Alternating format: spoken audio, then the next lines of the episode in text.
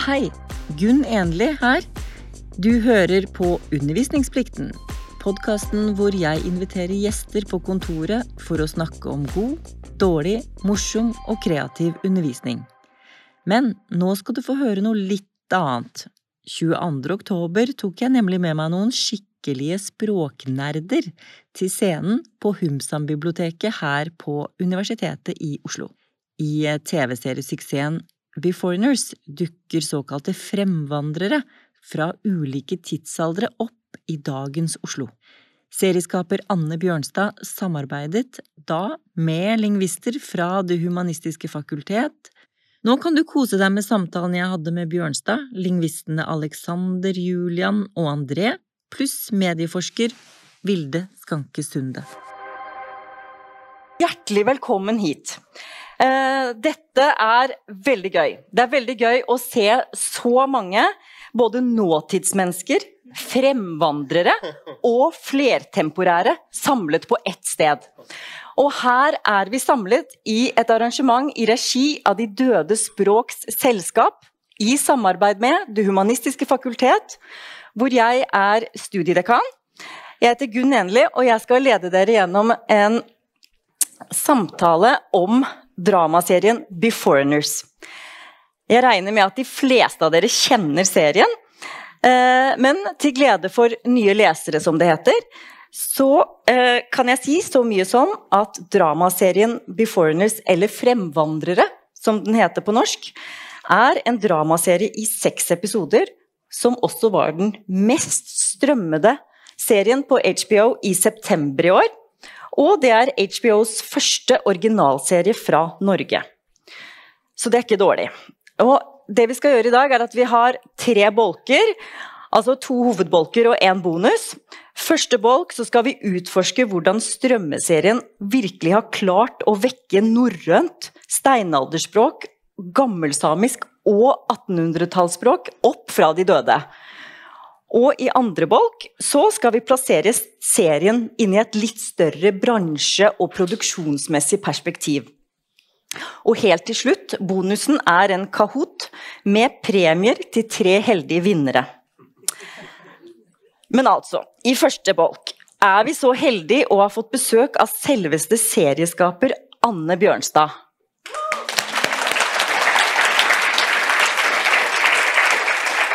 Velkommen hit. Og vi har besøk av tre lingvister som skal få presentere seg selv på hvert sitt fremvandrerspråk. Suhum mitayeha mor Julian Lysvik. Jeg er Alexander Kalader Kalaver Williamson. Jeg er fra Nidaros i Trondheim.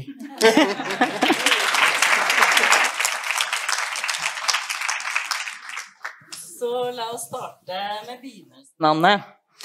Eh, hvordan kom du på denne ideen? Dette er eh, en serie uh, med en idé som er laget av en som heter Eilif Skodvin, som jeg jobber sammen med, og meg selv. Um, denne ideen kom vi på fordi uh, vi hadde veldig lyst til å lage en sci-fi-serie. Vi er veldig glad i den sjangeren, litt sånn nær sci-fi som ikke handler så mye om vitenskap, egentlig, som det fins en del av etter hvert. Og så hadde vi tidligere Vi hadde tidligere lagd en serie som het Lillyhammer, men nå hadde vi liksom lyst til å finne på noe litt annet. Uh, og så, etter intens uh, idémyldring, som pågikk i flere år egentlig, så kom Eilif en dag og foreslo hva om vi lager en serie som handler om at, kommer, at flyktninger begynner å komme ikke fra fjerne steder, men fra fjerne tider. og da uh, fikk vi masse ideer. Det syns vi var veldig gøy. Det, og at det var veldig spennende. Vi begynte med en gang å se for oss en verden hvor Oslo var helt forandra, hvor det bor folk på gatene, hvor noen kommer fra en tid og føler seg overlegne oss, hvor noen sliter med å passe inn, hvor FN har lagd eh, en høykommissær for fremvandrere. Altså, det, det bare satte i gang veldig mye. Um, og så ganske raskt så gikk vi til HBO med den ideen. Og så likte de den også. Ja. ja. Det høres ut som dere skaffet dere selv noen utfordringer eh, ved å skulle skape liv i 1800-tallsmennesker, steinaldermennesker og vikinger, og gjøre de troverdige i serien. Eh, og hva gjorde dere da? Eh, var det første dere gjorde å ringe HF? Nei, men det var ganske tidlig, egentlig. Eh, fordi eh, først så ble vi veldig glad for å ha den ideen som vi syntes var veldig spennende, men den neste følelsen som meldte seg, var jo egentlig veldig sånn frykt, frykt fordi det er jo en idé som er ganske spesiell, og det er ganske lett å se for seg at den kan bli utrolig teit. Og veldig vanskelig å tro på. Så, så det, det jeg følte var liksom hovedutfordringen. Hvordan skal vi klare å få publikum til å tro, være med på at de de ser på skjermen, liksom har kommet fra fortida? Eh, at ikke de skal tenke sånn Jøss, yes, den skuespilleren har jammen fått på seg et rart kostyme, eller sånn. Eh, og da ble vi veldig tidlig opptatt av språket. Fordi eh, vi eh, tenkte egentlig fra starten at de viktigste fremvandrerkarakterene burde spilles av utenlandske skuespillere. Fordi det er veldig vanskelig å late som man er fremmed et sted. Uh, og at for publikum så er det mye bedre at det er en du aldri har sett før, så vil du lettere akseptere at ja, dette er en som kommet fra et annet sted. Vi var også veldig opptatt av det språkmessige, fordi på et nivå så, skal, så tenkte vi jo liksom at serien skal være en allegori over et flerkulturelt samfunn. Og i et sånt samfunn så er jo språk kjempeviktig. Altså morsmål, aksent. Det, det, er liksom en del av identiteten til ja, alle, egentlig. Um, jo, og så da så vi egentlig for oss at det kunne være gøy å bruke islandske skuespillere. Og det er nesten en mer sånn estetisk Eller sånn at, at vi syns det hørtes litt fint ut. altså det høres Du tenker sånn Ja, det høres litt sånn vikingaktig ut. Um, og så var jo neste tanken liksom, Vi visste jo at uh, norrønt er veldig godt dokumentert. Og jeg har jo studert engelsk og russisk og er litt, sånn, er litt mer opptatt av språk enn noen. og, og, da ble det ganske fort liksom et ønske Eller det jeg følte var mer at ja, men det må jo være mulig, liksom. Og da blir man jo veldig gira på å teste ut det. Og så ringte jeg til HF. så bra. Og hva skjedde? Hvordan opplevdes det for tre eh, lingvister fra nettopp HF og bli kontaktet? Altså, hvordan skjedde denne koblingen mellom dere tre og serieskaper? Ja, Det var, eh, det var en veldig rar dag, eh, må jeg si, da den e-posten dukket opp i innboksen min da jeg jobbet her på UiO tidligere, eh, på Multiling. Eh, jeg trodde det var tull først. Jeg, jeg, jeg, had, altså jeg kunne ikke tro at det skulle være noe annet enn tull. Eh, men heldigvis så åpnet jeg faktisk e-posten og leste det som sto der, og da var det Anne som nettopp sa det hun sa nå, at de var ute etter tre eh, unike språk til serien, og at de trengte noen som kunne jobbe med det. Eh, jeg sa ja, umiddelbart, men jeg sa også at jeg trengte to gode hjelpere, og det ble Julian, og det ble Alexander. Som var veldig naturlig i og med at Alexander har spesialisert seg på norrønt. Eh, og Jul, både Julian og Alexander for så vidt har jobbet med fantasispråk før, såkalte con languages. Eh, for jeg tenkte at det ville blitt en veldig stor jobb å ta på selv og skulle lage et språk, lære meg norrønt osv. Ja. Mm. Det, det, var veldig bra for meg når jeg fant André, fordi eh, jeg ringte jo til Institutt for oh, det er så mange navn. Lingvistikk og nordistikk, eller nordiske studier. Ja. Yes, yes. Kjempehyggelig. Ringte de flere ganger. Eh, og veldig, veldig positivt, eh, det. Men det er jo ikke så lett for de på sentralbordet der å si sånn Ja, men da kobler jeg deg over til han eller han. Eh, så planen min i utgangspunktet var egentlig å få tak i en professor og så be om tips om en student som kunne være god. Så, men så er jo alle veldig travle, og det er ikke så lett. Liksom, å, så, så, jeg prøvde faktisk en god stund å være i kontakt med litt flere folk, for det skal jo klaffe. Det er jo ikke bare at folk skal ha en kunnskap som er relevant, men de må jo også passe, på en måte. Mm. Eh, og da kom jeg på at jeg kunne kontakte vitenskapelig assistent. Og det ville jo være liksom en nøkkel. Og det som var gøy med André, det var at, han, at jeg sa sånn Ja, fordi jeg har litt dårlig tid, sa jeg når han ringte. Fordi vi var litt på overtid. Så, sånn at jeg trenger egentlig å treffe de eh, så fort som mulig. Og da sa han sånn Passer det i morgen? jeg var ganske gira. Ja. Da skjønte du at det var bare å hive seg på.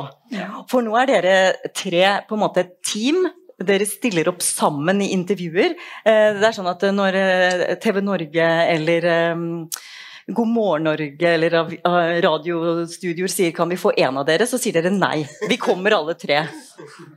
Eh, vel, vi, eh, når det gjelder TV 2, så var det vel ingen Altså, vi turte vel ikke si nei. Da var det Alexander og Anne som hadde æren av å være der. Eh, på radio stort sett så har vi vært alle tre, også på andre intervjuer, som har vært veldig morsomt. Ja.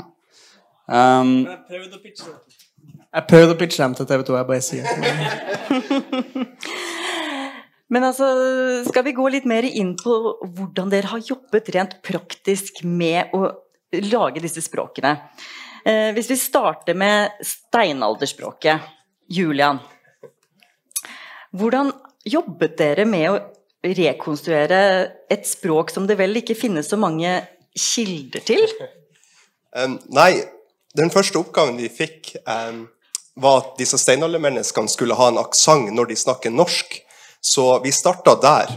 Um, og da var det viktigste for oss var å ikke skulle lage en aksent som høres ut som en stereotypisk um, innvandreraksent, eller, eller aksent som, som folk som har andre morsmål, ville ha. Så det var den største utfordringa. Men når det kom til um, hvordan man snakka i steinalderen, så er jo sannheten det at vi aner ikke. Eh, vi kan jobbe oss tilbake ganske langt i tid eh, for å si noe om eh, f.eks. urindoeuropeisk, hvordan vi snakka for 6000 år siden. Eh, så langt tilbake, men her snakker vi om 4000-5000 år før det igjen. Sånn at tidsdybden er så enormt stor at det, det ville bare ikke la seg gjøre. Så det vi kom fram til, var at eh, for å gjøre dette realistisk, så er det, det beste er å lage et språk. Em, så vi har konstruert et språk um, som har naturlig, um, et naturlig ordforråd, en naturlig grammatikk, realistisk grammatikk, men som uh, i og for seg ellers er totalt oppspinn. Ja. Det har vært eh, strategien vår. Kunne vi hørt litt på det språket som dere har konstruert? Eh, altså det som snakkes av steinalderkarakterene. Hei! Det passer kanskje ikke så bra, eller? Nei, nei. Jeg er bare på alder med spisetid. Geit på menyen, kanskje? Ja, vektermester ba meg ni plasser. Slåder i det i mage. Han bare roper pent til han drar det. Ja, de må reagere, faen. Hæ? Hei! Så det dere eh, ser i dette klippet, er først, eh, det første møtet med eh, en av steinalderkarakterene som, som eh, heter Nabo. Um, og, um, og her hører dere først at han snakker norsk med en ganske tydelig aksent. Eh, Så da fikk vi et manus hvor de har en litt spesiell ordstilling, en litt sånne små rare ting ved seg. Altså vi laga et tonefall eh, og laga sånne spesielle eh, markører i ordlydene deres, sånn at det høres fremmed ut. Og så hører dere den første interaksjonen på steinalderspråket. Kommer Pjokk, sønnen til nabo, bort, drar han i buksa, og så sier han em, Amba suhu parpeh kosang rogen. Og det betyr 'pappa, jeg får ikke til å skjære lårbeinet'.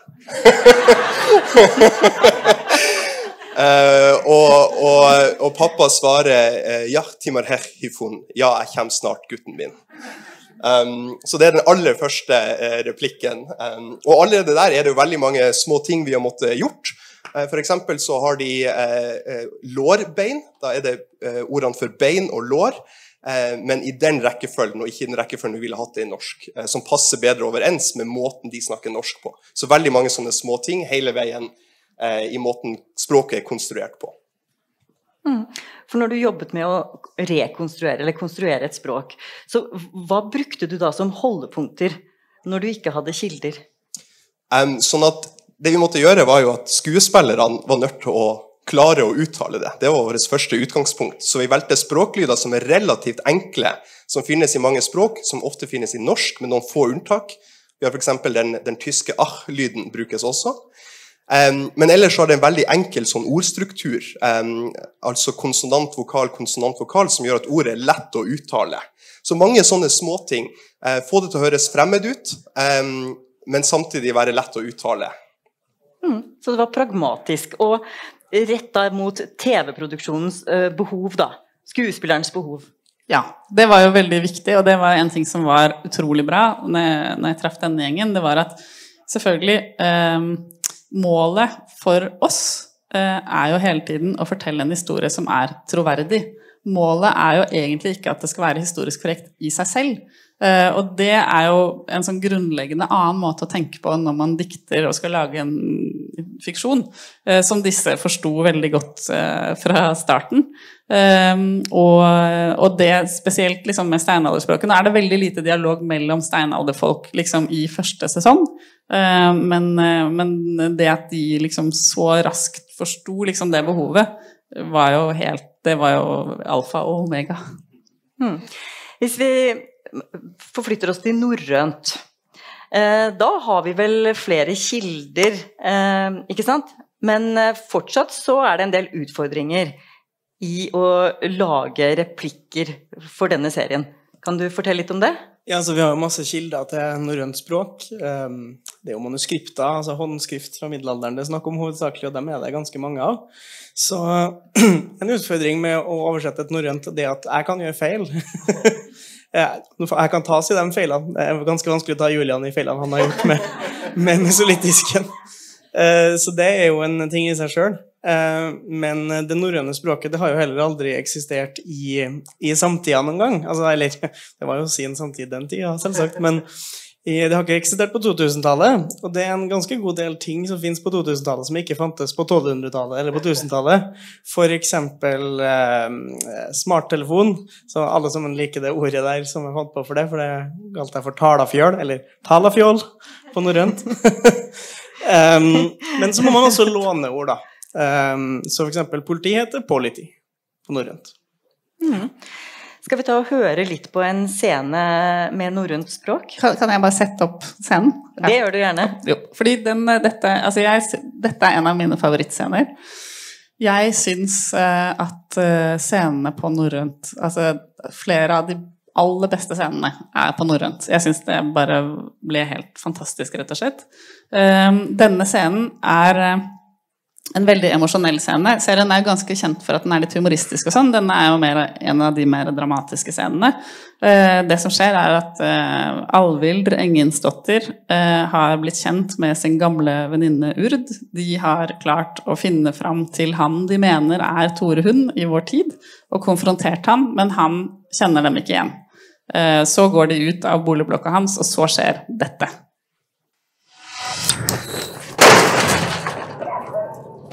still thick. Þannig að staðin auðir allt. Mann þú hver prúð sem það er vreitt sinn. Var mikið að greita.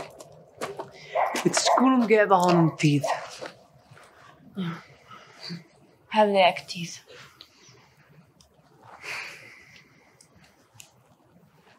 Hví talar þú því þitt?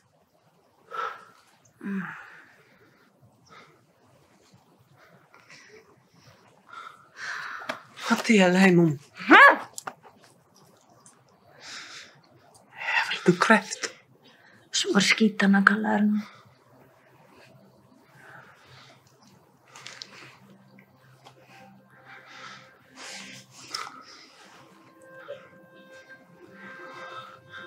En það fæði lækning?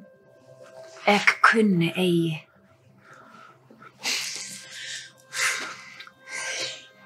Kreft skal þú lækna. Eða dör þú. Búið það sér líka vel.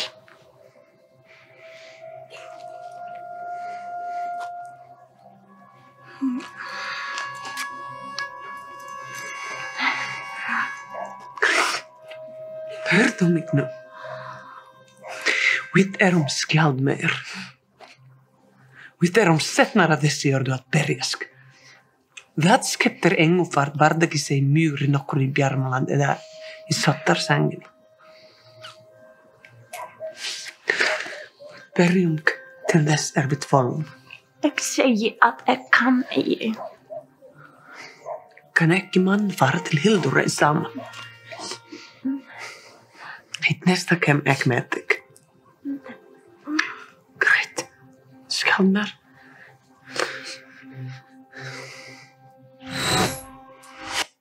Ja, enig. Bra scene.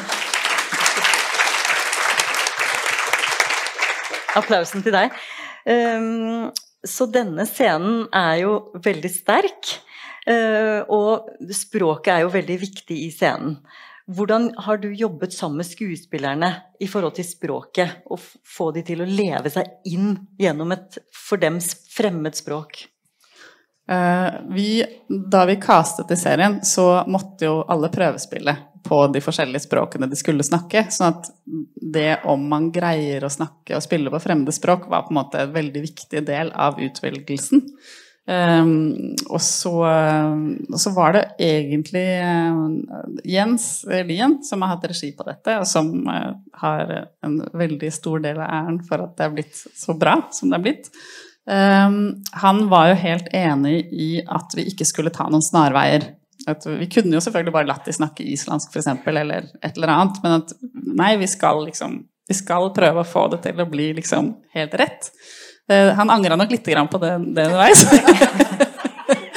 sånn at, eh, fordi det vi måtte gjøre ganske, vi har, det- som er litt fantastisk her, er at det er eh, Krista Kossonen, finsk skuespillerinne, eh, Augusta Eva Erlands, Erlendsdotter, islandsk skuespillerinne, sitter og snakker et utdødd språk som om det var deres morsmål. Og man kjø, altså jeg kjøper det 100% at dette er deres felles uh, språk.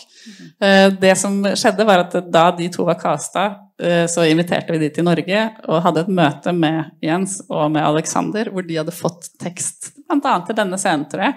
Og så skulle vi lese opp den, og så skulle vi bli enige om hvordan skal de snakke. Um, og det var veldig gøy, fordi eh, de var jo veldig flinke. Og så Alexander hadde tenkt gjennom dette på forhånd, for han er jo veldig flink. Og de hadde jo tenkt at ok, det kan ikke være sånn, og det må være sånn omtrent. De kom jo fra omtrent år 1000 og tenkte seg fram til hvordan det skulle være. Men så syns jeg det var litt gøy, fordi da vi satt i det møtet, så funka det jo ganske bra, fordi scenen er ganske god. Og så, og så så jeg bare at du så så lykkelig ut. Da tenkte jeg liksom ok, her sitter vi med liksom to av Europas vakreste kvinner, og de snakker norrønt, liksom. Ja, altså, jeg syns jo språket er så vakkert at jeg tenkte ikke over at kvinnene var vakre engang. Nei, det var bare språket, liksom. Bare språket. Ja, Nei, altså, jeg tror ikke det er så veldig mange norrønfilologer forunt å få høre norrønt foredratt av skuespillere live. Eh, Så det var, det var faktisk utrolig tøft. Ja. Men så måtte vi jo da Så skjønte vi at ok, akkurat Eva, eh, Augusta Eva og Krista er jo veldig begava, men det er jo masse masse norrønt her. Masse små roller som skal snakke norrønt, og de, alle de er jo ikke så gode og sånn. Så vi skjønte at vi må jo ta og lese, vi må få noen til å lese inn lydfiler av alle. Hver eneste replikk må leses inn av en eh, person, og så må det sendes ut til den personen som skal lære seg det, og så må de lære seg det, og så må vi ha en person som følger det opp på settet, fordi det er jo, krever jo ganske mye fokus, bare det. Så da måtte vi finne en skuespillerinne som ble opplært av Alexander, og som leste inn alle replikkene. Og sånn. Og så måtte vi gjøre det samme med alle Christas norske replikker med norrøn aksent, fordi hun måtte lære det på samme måten. Så, så det var utrolig omfattende. Og Alexander har jobba altså, ja, Å bare oversette tekst fra liksom, nåtidsnorsk til norrønt er jo veldig tidkrevende, men også veldig mye jobb i den å spille inn-fasen. Jeg tror jeg fakturerte Rubicon for 20 timer i- i lydstudio, for å si det sånn. Uh, ja. Og det var det verdt. Relevant ekstrajobb, da. ja, det får en si. Hvis vi beveger oss litt nærmere i tid, altså til 1800-tallsspråket eh, De 1800-tallsfolkene i serien de er jo noen underlige personer. Eh, fordi selv om de er litt likere oss og nærmere oss i tid, så er de også veldig utidsmessige både i stil og form. Eh, og der er jo språket og eh, uttalen veldig viktig. Eh, hvordan jobbet du med det, André? Ja. Det var i hovedsak to dilemmaer jeg støtte på. Norrønt og mesolittisk er såpass forskjellig fra norsk at du har ikke noe problem egentlig med å høre at det er noe annet. For å gi 1800-tallet særpreg så var jeg nødt til å ta noen friheter, samtidig som jeg la inn flere autentiske ting. Eh, problemet er jo selvfølgelig at sånn de snakket på midten til slutten av 1800-tallet i Oslo, eh, er eh, relativt likt sånn man snakker i noen deler av Oslo i dag. Eh, en, av, en av fordelene i eh, hvordan historien var, er at de kom fra overklassen, Oslos overklasse, og da begrenser vi omfanget ganske kraftig. Så dialektvariasjonen i Oslo var kjempestor eh, på 1800-tallet, men jeg har, treng, jeg har kun trengt å forholde meg til eh, akkurat denne gruppen. Um, så det var det ene. Gjør det litt særpreget. Og da har jeg lagt inn ting som jeg tviler på at spesielt mange sa. Uh, det er noen bløtkonsonanter. Pibe, f.eks. Uh, snakker Gregers om flere ganger. Um, og ja, litt sånne ting. Og så mer autentiske ting uh, er sånn som egentlig min egen farfar snakker, og sånn hans far snakket. Um, farfaren min vokste opp på det han kaller uh, Vålerengen i, i Oslo. Um, og for å ikke få det til å bli for ibskensk eller dansk, for det var det andre problemet, så brukte jeg på en måte han som en slags Hva skal vi si en, ja, et, et, et, eller annet å følge. Um, så hver gang jeg begynte å skrive noe og brukte Ibsen, som jeg gjorde til inspirasjon, men det var mest inspirasjon. Jeg skrev det ikke som Ibsen. Det hadde blitt veldig merkelig. Eh, og det var heller ikke sånn de snakket. Eller jeg syntes det ble for dansk. Så på en måte kjørte jeg samtale med farfaren i hodet mitt, og så gikk jeg også til farfar og spurte han eh, hva han syntes, hvordan hans far snakket, osv. Um, ehm, ja, og jeg syns egentlig resultatet ble godt, og jeg syns skuespillerne også gjør en veldig god jobb med det. Også en ting som vi var veldig opptatt av også, var jo at de eh, karakterene som du ser i serien, det er jo folk som har vært her en stund. Det er jo ikke folk som eh, har kommet direkte fra 1800-tallet eh, eller vikingtida eller steinalderen. Sånn at eh, de vil jo være påvirket av vår måte å snakke på også. Eh, sånn at i Beforeigners så er det på en måte riktig når det er litt feil.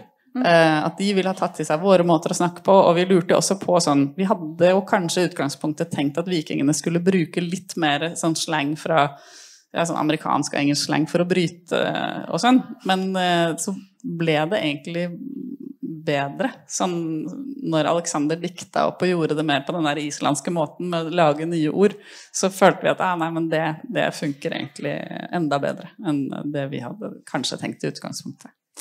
Har vi tid til å rulle det klippet? Det syns jeg vi skal ta oss tid til. Nå får vi en liten introduksjon til klippet først. Supert. Eh, hovedpersonen Lars Haaland har jo eh, en eh, ekskone som har forlatt ham til fordel for en mann fra 1800-tallet. Eh, og han, altså Lars og Marie de har en datter som heter Ingrid, som eh, skal være russ. Og hun er blitt med på en russebuss, og så har dekknavnet til denne russebussen blitt offentliggjort. Eh, og det har hennes stefar og mor reagert litt på. Så um, jeg har uh, snakka med banken og bedt dem om å ikke godkjenne den overførselen. Mamma, det kan du ikke. Det er mine penger. Ja, men du er ikke myndig. Har det klikka helt for dere, eller? Du vet hvilken vekt din mor og jeg legger på sannferdighet. Og i stedet for å være kontrær, kanskje du kunne opplyse noe om bussen? Noe mer åpenhjertig? Så um, jeg har Ja, så der hørte du innslag av bløte, eh, konsonanter åbenhjertig, f.eks. Eh, jeg spurte farfar min spesifikt har du noen gang hørt noen si det i Oslo, eller har du hørt din far snakke sånn. Han hadde aldri gjort det. Men jeg syns likevel at det tilfører noe eh, som høres ut som det hører hjemme der, så jeg syns det fungerer fint. Um, så er det jo litt sånn å legge det på en litt arkaisk uh, linje, de assosiasjonene man har til det. og liksom si um, altså si at de sier farve og mave uh, og sånt som jeg er helt sikker på at de gjorde. Farfaren min gjør det, altså, faren min gjør det. Mener, ja. um, og ikke sant, uh, foranstilt eiendomspronomen, at de sier 'din buss', ikke 'bussen din'. ikke sant, Mer eller mindre konsekvent. Litt sånne ting. Ja. Mm. I tillegg til disse tre språkene så fikk dere en fjerde utfordring, nemlig gammelsamisk. Fortell hvordan dere jobbet med det. Jeg syns eh, nesten dette med gammelsamisk er noe av det morsomste. Vi fikk en e-post fra Anne hvor hun sier um, vi gjerne, vi har noen som det skal være scene på samisk, og vi vil gjerne at de skal være samisk slik man snakka på 1000-tallet. Og jeg eh, begynte å lete opp bøker og ressurser på nett for å finne ut hva vet vi om samisk språkhistorie. og del sånne ting. Jeg, jeg kunne lite sjøl. Mens jeg driver og leter opp dette, så svarer André ja, nei, det ordner vi. uh, litt sånn eh, Ja, jeg var litt sjokkert. Um, så jeg begynte å sende e-post, og sendte da bl.a. til professor emeritus på Universitetet i Oslo, Rolf Theil. Og så skrev jeg som sådan det her lar seg vel neppe gjøre, men, eh, men, men du, vet du om hvem vi kunne spurt? Så sier han ja, nei, det her er på ingen måte umulig. Um, bare send meg replikkene, så skal jeg ordne det. uh, så um, Rolf Taylor jobba med gammelsamisk. Han fikk replikkene på moderne norsk og oversatte ved hjelp av en som har samisk som morsmål, replikkene først til moderne nordsamisk, og deretter rekonstruerte seg eh, tilbake til eh, samisk sånn som det ville hørtes ut eh, på rundt omkring 1000-tallet. Og her har vi ingen skriftlige kilder, så her er det virkelig en sånn rekonstruksjonsjobb som er gjort. Så jeg, tror vi får høre litt, et lite klipp på gammelsamisk, så skal bare fortelle først om det. Det første interaksjonen er på norrønt. Skuespillerne som, som snakker gammelsamisk, er samiske skuespillere, sånn at du får høre norrønt med samisk aksent. Og det her er jo, som Alexander pleier å nevne, sannsynligvis en realistisk eh, eh, blikk på hvordan ting så ut. Eh, før eh, eh, de bytter om, slår om Krista Kåsonen eh, slår om til gammelsamisk med den første replikken som kanskje er hørt på gammelsamisk på 1000 år, som er følgende Kysser han en plass der sola aldri skinner. Eh, så hvis vi kan høre det Vi har tid til det klippet? Det kan vi gjøre. Varatu og kona kona. Alvildur Engisdóttir. Jeg leita Þóris frá Bjarkøy. Bannum hans Ólaf Stigra. Og hvað viltu honum?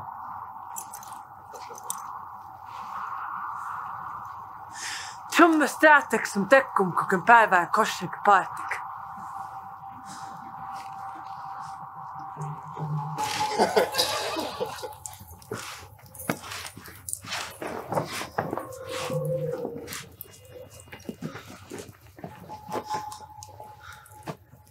Kuutnajasta kähtisessä niissä. Kuulemme utsik olme. Utsim. Ja som godsutte peatinkin Tror det er bra. Eh, ja, så her ser vi, eh, Det var litt synd at det mangla tekst, men eh, den første interaksjonen på gammelsamisk der sier hun kommer og så sier hvem, jeg leter etter Tore, hun fra, Tore fra Bjarkøy. Og så sier de 'hva vil du han?' Og da kommer dette første svaret på samisk, på gammelsamisk. Og, og det er fortsettelsen her. Så dette er første åpningsscene, andre episode. Så hvis du vil se hele interaksjonen, så anbefaler jeg det. Veldig kult. Lang interaksjon på gammelsamisk. Og første gang noen har hørt det snakka på sannsynligvis på 1000 år. Ville du kommentere scenen? Eh, Nei, altså det Nei, men det- dette er starten av av, eh, episode to, og dette er I vår serie så er det sånn En del av universet er jo at eh, fremvandrerne som kommer hit, eh, selve tidsreisen påvirker minnet deres. Sånn at eh, man har liksom alt fra total hukommelsestap til bare et mer lokalt hukommelsestap. Og dette er jo da et minne som, som Alvilder har. Sånn at det er derfor vi får se dette, at hun leter etter Tore Hund i gamletida. Sorry, jeg, Gunn, jeg bare pekte på T-skjorten min fordi det står 'wet lag' på den, og det er jo det akkurat det tapet heter i det universet. Ja. Så det står 'wet lag' på T-skjorten min, som er navnet på at de mister minnet sitt. Ja. Ja, ikke sant? Så da eh, har du jo eh, forklart at eh, det du ønsket med serien, er å vise hvordan folk som kommer fremmede inn i vår, kultur, opplever det. Ikke nødvendigvis fra andre land, men fra andre tider. Eh, og um, tematiser, du tematiserer vel eh, en viss sånn fremmedfrykt i vår kultur, eller, eller vil du liksom Hva slags type samfunnskritikk eller samfunnskommentar kan vi, kan vi si finnes her? Det, det er jo på en måte litt opp til de som ser på. Um, jeg og Eilif har ikke egentlig eh, noe veldig klar eh, message, liksom. Altså, vi blir dratt til det fordi vi har lyst til å fortelle en historie. Eh, og det er egentlig ikke en politisk serie. Jeg tipper liksom det du kan si er det liksom politiske ved det, er at vi tar perspektivet etter hvert, da. Tar perspektivet til fremvandrerne. Eh, og eh, ber da på en måte seerne om å leve seg inn i deres situasjon. Så hvis det liksom er politisk, da er det en politisk serie, hvis du forstår. Det er litt interessant også fordi serien blir jo vist ikke bare i Norge, men i eh, Norden, sentrale Europa og Spania og Portugal. Og en litt interessant ting der er at i Spania så har den fått veldig mange gode anmeldelser. Uh, og i hver eneste anmeldelse så trekkes det fram dette handler om flyktninger. Dette viser oss samfunnet vårt slik vi har det i dag. Så ble den også anmeldt en, på et, en stor nettavis i Ungarn som heter Origo. Som er kjent for å være litt mer høyrevridd og litt mer liksom fake news. Og de nevnte ikke flyktninger Det var også en veldig god anmeldelse, men de nevnte ikke det med flyktninger med et ord. Eh, og det syns jeg var litt interessant. Ja, for det ligger på en måte en åpenhet i teksten eller i serien, hvor man kan tolke inn eh, samfunnskritikken, eller man kan eh, se det mer som en humoristisk serie. Det er jo en, en um, ganske sammensatt serie. Altså, det er jo humor og sci-fi og drama. Hva vil du si? Eh, jo, altså vi tenker vel mer at vi har, vi har hatt et ønske om å lage liksom en fengende, spennende historie uh, som ikke er en dystopi. Det var litt uh, viktig for oss. At noen serier er jo sånn Å, så jævlig er det i framtida, liksom. Og vi hadde ikke lyst til å ha akkurat den følelsen. Men ellers så er det mer en utforsking av et univers uten egentlig så veldig mye mål og mening fra vår side. Mm. Men det er mange som lurer på om det kommer en sesong to. ja. Det gjør vi òg. I tilfelle det blir en sesong to, er dere tre klare Har dette gitt mersmak? Eh, jeg kan jo svare for alle. Jeg kan si ja. Bra. Ja, for det vil vel være vanskelig å lage sesong to uten bistand fra språkforskerne her? Ja, nei, Det kan jo bli litt tøft, da. Men eh, nå må jeg ikke gi de for høye liksom. De skal jo sikkert ha en lønnsforhandling med produsenten og ja, ja. og alt dette. Men uh, selvfølgelig. Altså, det er kjempeviktig uh, å ha de med på laget, rett og slett. Mm. Hva har dere lært mest av å være med på dette prosjektet? Takk skal dere ha. Jeg, har blitt vesentlig bedre i norrønt enn jeg var. altså, jeg, jeg, kan si ting på norrønt nå på oppfordring. Det kunne jeg ikke før jeg jobba med det her. Um, og så har det også vært veldig spennende å, å lære om formidling. Um, altså Tenk gjennom hva som er formidlingsverdien. og sånn som er det her da. Jeg har hørt Anna fortalte meg om at, uh, om at det har blitt brukt i har blitt brukt i um, undervisning på videregående, f.eks. Uh, for, antakeligvis for å eksemplifisere norrønt, vil jeg tro.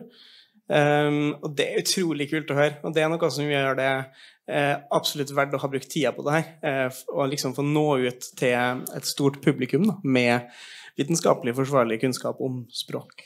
Mm. Og jeg er også veldig stolt av at Beforeigners sannsynligvis er den eneste vikingfilmen eller vikingserien hvor vikingene snakker vikingspråk. Uh, og det er jo litt sprøtt når man tenker på hvor mye som er lagd i den sjangeren. Ja, og så, og så, har det jo vært litt sånn surrealistisk for oss hvor opptatte folk har vært eh, om dette med, med, språket i serien. Eh, første gangen eh, Anna var på radio, så, så, nevnte hun det, og etter det så har vi fått flere forespørsler om å komme og snakke om dette. Og folk har vært uhyre interessert. Eh, så, så det har vi jo Um, for det første vært litt overraska over, men også veldig, uh, har vært veldig spennende å få lov til å snakke så mye om det som vi har gjort. Og Det er jo også noe som trekkes fram i alle anmeldelser. Altså, vi har jo også fått en kjempegod anmeldelse i Ukraina. Der også nevnte de uh, spesielt samarbeidet med lingvistene, og det er liksom noe som er blitt lagt veldig merke til. Og i en sånn spansk regionsavis fra Catalonia, så ble det jo til og med nevnt med navn i anmeldelsen. Aha, dere er blitt kjendiser! Tusen, tusen, takk for at dere kunne komme hit i den travle formidlingsfasen dere er i. Nå skal vi ha et sceneskifte.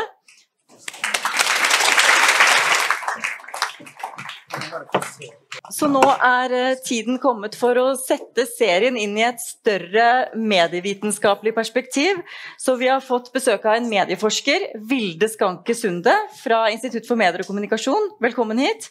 Tusen takk. Du har jo fulgt mye med på strømmeserier og trender innen eh, dramaproduksjon. Eh, og eh, det ble jo tidligere nevnt at eh, serieskaperne har laget Lillyhammer. Eh, så da lurer jeg på hva er det som er nytt med Beforeigners, eh, og hva er liksom eh, videreføringen av Lillyhammer? Hva ser vi? Ser vi noen rester fra en mafiaboss på rømmen her, eller er dette noe helt nytt?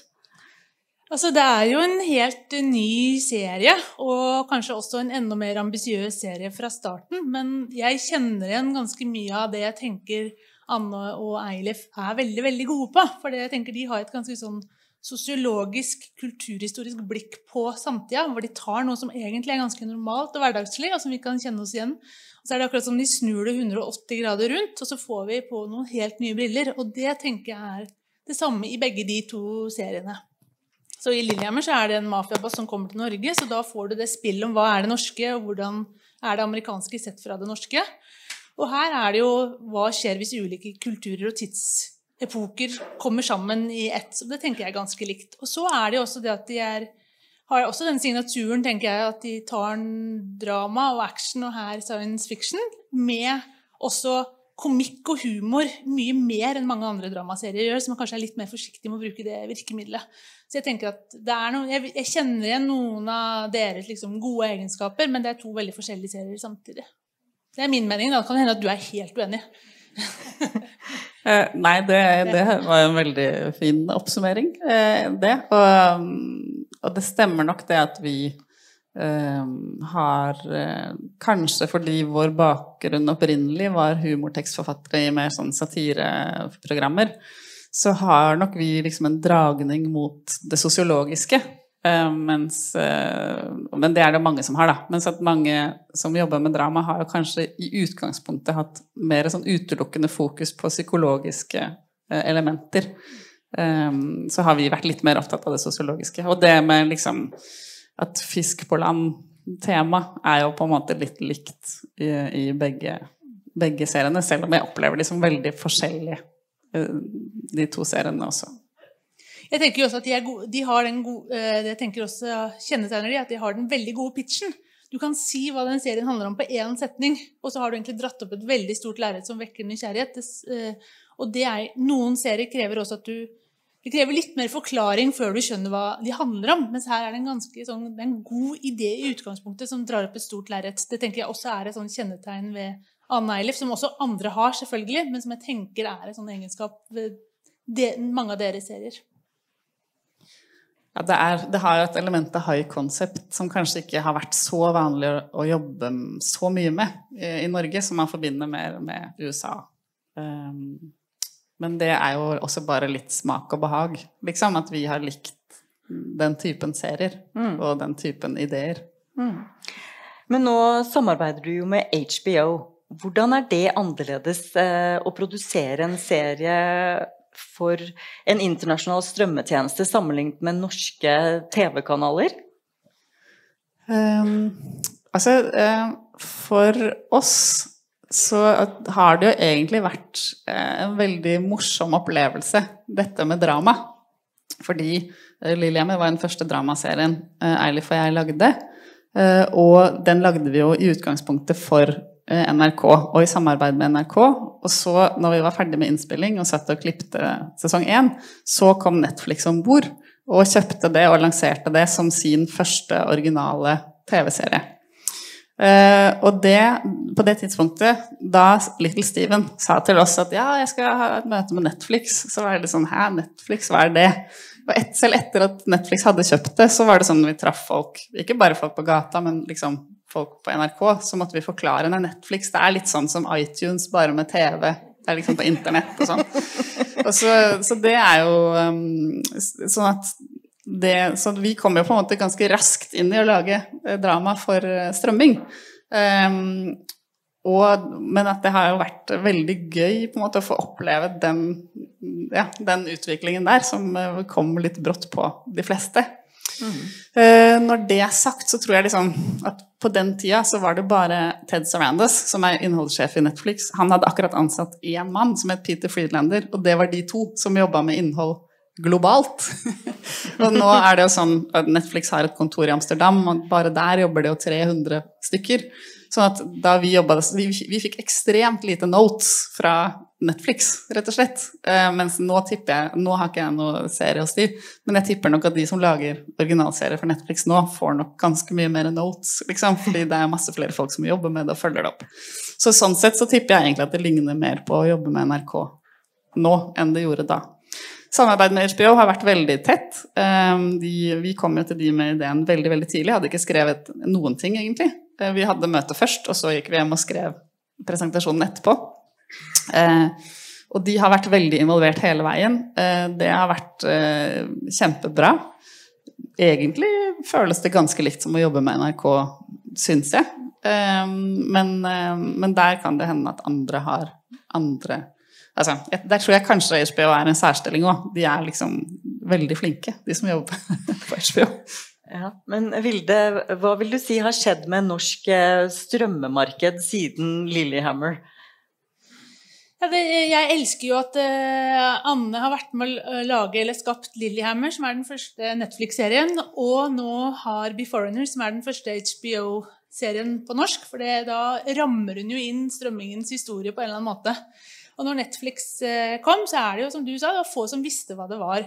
Masse barn og unge strømmet da. NRK hadde sin nettspiller, og den fungerte godt.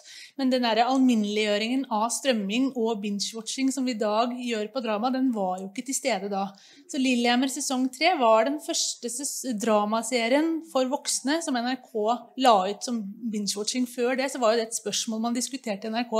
Er det den måten folk vil se, eller vil de se en gang i uka? Så det har jo skjedd veldig På den, de årene har det sett veldig, veldig store endringer. Som jo gjør selvfølgelig at for aktørene i bransjen er det mye større konkurranse. Det er flere aktører. For produsentene betyr det antagelig at det er flere de kan gå og pitche gode programideer til. For de norske kanalene betyr det jo mye, mye hardere konkurranse om godt innhold. Så er jo også dramaserier det mange gjerne vil konkurrere på. Så akkurat nå er jo det et sånn kjempesatsingsområde. Og vi har aldri hatt så mye gode dramaserier som vi har akkurat nå. Og det er ikke sikkert vi kommer til å ha så mange i fremtiden heller, når folk må begynne å spare litt mer penger. Ehm, Så det har jo hatt ganske mye å si. Pluss at selvfølgelig for publikum kan velge når de har lyst til å se. Og det gjør jo også at de teknikkene som kanalene før hadde til å lure oss til å se noe innhold som de mente var viktig at vi så, de er ikke så lett tilgjengelige lenger. I hvert fall må man tenke helt nytt. Så det å putte ting inn i et sendeskjema har mindre effekt i dag enn det det hadde før. Som jo er interessant å tenke, må vi da lage litt andre typer ting for at det skal stikke seg ut og liksom komme gjennom lydmuren og faktisk bli sett? Hvordan man kan si at liksom Before har dette her med språket, som er én ting, en veldig tydelig knagg, som er Mm. med på også å løfte den serien fram og gjøre at folk får oppmerksomhet og fokus på den. I tillegg til at den er bra, selvfølgelig, det er ikke det, men det har også en tydelig knagg. Men eh, det er jo likevel litt underlig at eh, store internasjonale selskap som HBO og Netflix er overhodet interessert i sånn sære norske serier eh, med liksom litt sånn absurde plott. Er helt enig. Eh, ja, men, eh, da vi jobba med Lillehammer, så var det egentlig det som skjedde, var at vi starta innspilling. Og så etter to ukers innspilling så kom eh, Steven til Eilif og meg, så sa han This should be on TV in the States. Og det var fordi han var så imponert over de norske skuespillerne og følte at dette er jo dødsbra. Og da var vi litt sånn, ja liksom, bare glem det. Det er jo aldri blitt vist en serie med norsk tale eller noe europeisk tale, egentlig, i USA. De lager remake av The Office, som er på engelsk, liksom. Eh, Sånn at, eh, sånn at det virka bare helt idiotisk å prøve på det. Men eh, Steven var jo, er jo veldig sånn standhaftig type, så vi klippet en trailer basert på de to første ukene med innspilling, og så sa han ok, jeg skal selge det i USA. Og så kontakta han Netflix. Han hadde selvfølgelig veldig flaks, fordi de gikk ut og sa vi skal bruke x antall milliarder på originalt innhold i løpet av de nærmeste årene. Og så ringte han, og så fikk han selvfølgelig et møte, og så, og så trengte de For de hadde bestilt House of Cards, men det tar så lang tid å lage dramaserier, og så trengte de liksom noe raskt. Og da tenkte de sånn Ja, nei, men dette så litt gøy ut. Vi tar den, liksom. Um, men hele det Altså liksom den altså sånn, Jeg har tenkt litt tilbake på det nå, da. At den følelsen det var da vi holdt på å avslutte sesong én av Lillehammer, så tenkte jeg Ok, nei, men det, dette var, dette var, det var ganske mye jobb, da, selvfølgelig, men det var jo ganske gøy. Og jeg tenkte sånn hm, Det blir jo spennende om jeg får lagd noe mer, egentlig. For nå har jo vi hatt vår tur For det var liksom følelsen den gangen, at det var så få ting som ble lagd. Og nå hadde liksom vi fått prøve, så da var det noen andre som skulle lage neste gang. Eh, og den følelsen er jo ikke der lenger. Nå er det jo liksom mulig å ha det som en jobb, og det er jo masse Mm. produksjoner og Mm. sånn. Og det er jo veldig positivt, for da blir jo alle eh, Da blir det jo bedre òg, selvfølgelig. Mm. Og liksom det blir en sånn en, mer en vare. Men om det varer, det, det vet jeg ikke. Det blir en eksportvare. Den nye oljen. Nei Ikke ta helt av. Nei, det syns jeg høres litt voldsomt ut, men Men likevel, Nordic Noir har vel betydd noe som å være en døråpner for norsk dramaproduksjon, eller hva sier du, Vilde? Jeg tenker i hvert fall at det er, litt, det er noen ting som treffer sammen ca. samtidig. Vi får, eh, en, vi får strømming, som gjør at man trenger flere aktører trenger drama fordi det er veldig veldig attraktivt innhold i strømmemarkedet. Og så har du også noen små nasjoner som før kanskje ikke var så profesjonelle at de klarte å lage godt altså drama som også sto seg internasjonalt, som plutselig gjør det. Danskene var på en måte først. Og hadde masse serier som de klarte å eksportere utover. Og nordmennene sto litt sånn på siden og sa wow, det hadde aldri skjedd før. Og så kom eh, norske produsenter nesten som ei kule. Så siden Lillehammer og fram til nå, så er det utrolig mange norske dramaserier som har lykkes med å bli eksportert eller bli lagd remaka i utlandet, som jo sier litt om at norske produsenter har blitt flinkere og mer profesjonelle fordi de har fått mer mengdetrening og er flinkere til å skrive og ha gode skuespillere og alle de faktorene som kreves for å lykkes. Men øh, nok også det at resten av verden har fått større aksept f.eks. for noe så enkelt som å lese tekst på serier. Som bare for noen år siden var veldig uvant i ganske mange språkregioner. Enten må du dubbe det, eller så må du være på det språket du selv snakker. Og at Nordic Noir har liksom åpnet en interesse for det nordiske og nye måter å fortelle på. Så, så det gjør jo ikke at det åpner en dør for i utgangspunktet dårlige serier. Ting må jo være, være bra, men det gjør nok også at det er lettere å pitche inn ting som også er nordisk. Det trenger ikke å være engelsk eller britisk eller amerikansk eller latinamerikansk for å lykkes eh, utenom Norden. Og det ser vi også veldig i mottagelsen av Beforeness i utlandet. Så er det veldig mange eh, gode anmeldelser som starter med nok en kvalitetsserie fra Norge. Mm. Eh, og de ramser opp liksom heimebane, skam Altså at man, Det at flere lykkes, er jo bra for alle. Helt åpenbart. Men eh, hvorfor er det viktig at norske dramaserier gjør det så bra på norske strømmeplattformer? Jeg, jeg mener jo det er nesten litt sånn politisk at det er veldig viktig. fordi når vi vet at eh, norske seere er på strømplattformer, så bør de også få godt norsk innhold der hvor de er. Og den tankegangen at de bare skal få godt innhold på NRK eller TV 2, den føler jeg er litt sånn gammeldags. Og selvfølgelig skal de få godt eh, innhold der de er. Og så er det jo også sånn at hvis vi vil at våre historier skal fortsatt å bli fortalt i storformat med kjempestor budsjett og økonomi til å ansette tre lingvister til å utarbeide et dødt så må vi kanskje også være i liksom verdenseliten når det gjelder drama. Og da er jo strømaktørene en av de aktørene man kan gå til, som gir rom for noen, mulighet, noen ting som kanskje andre aktører har litt vanskeligheter med å gi. da. Mhm. Godt poeng, og vi gir panelet en stor applaus. Tusen takk for oss. Det var veldig hyggelig å få komme.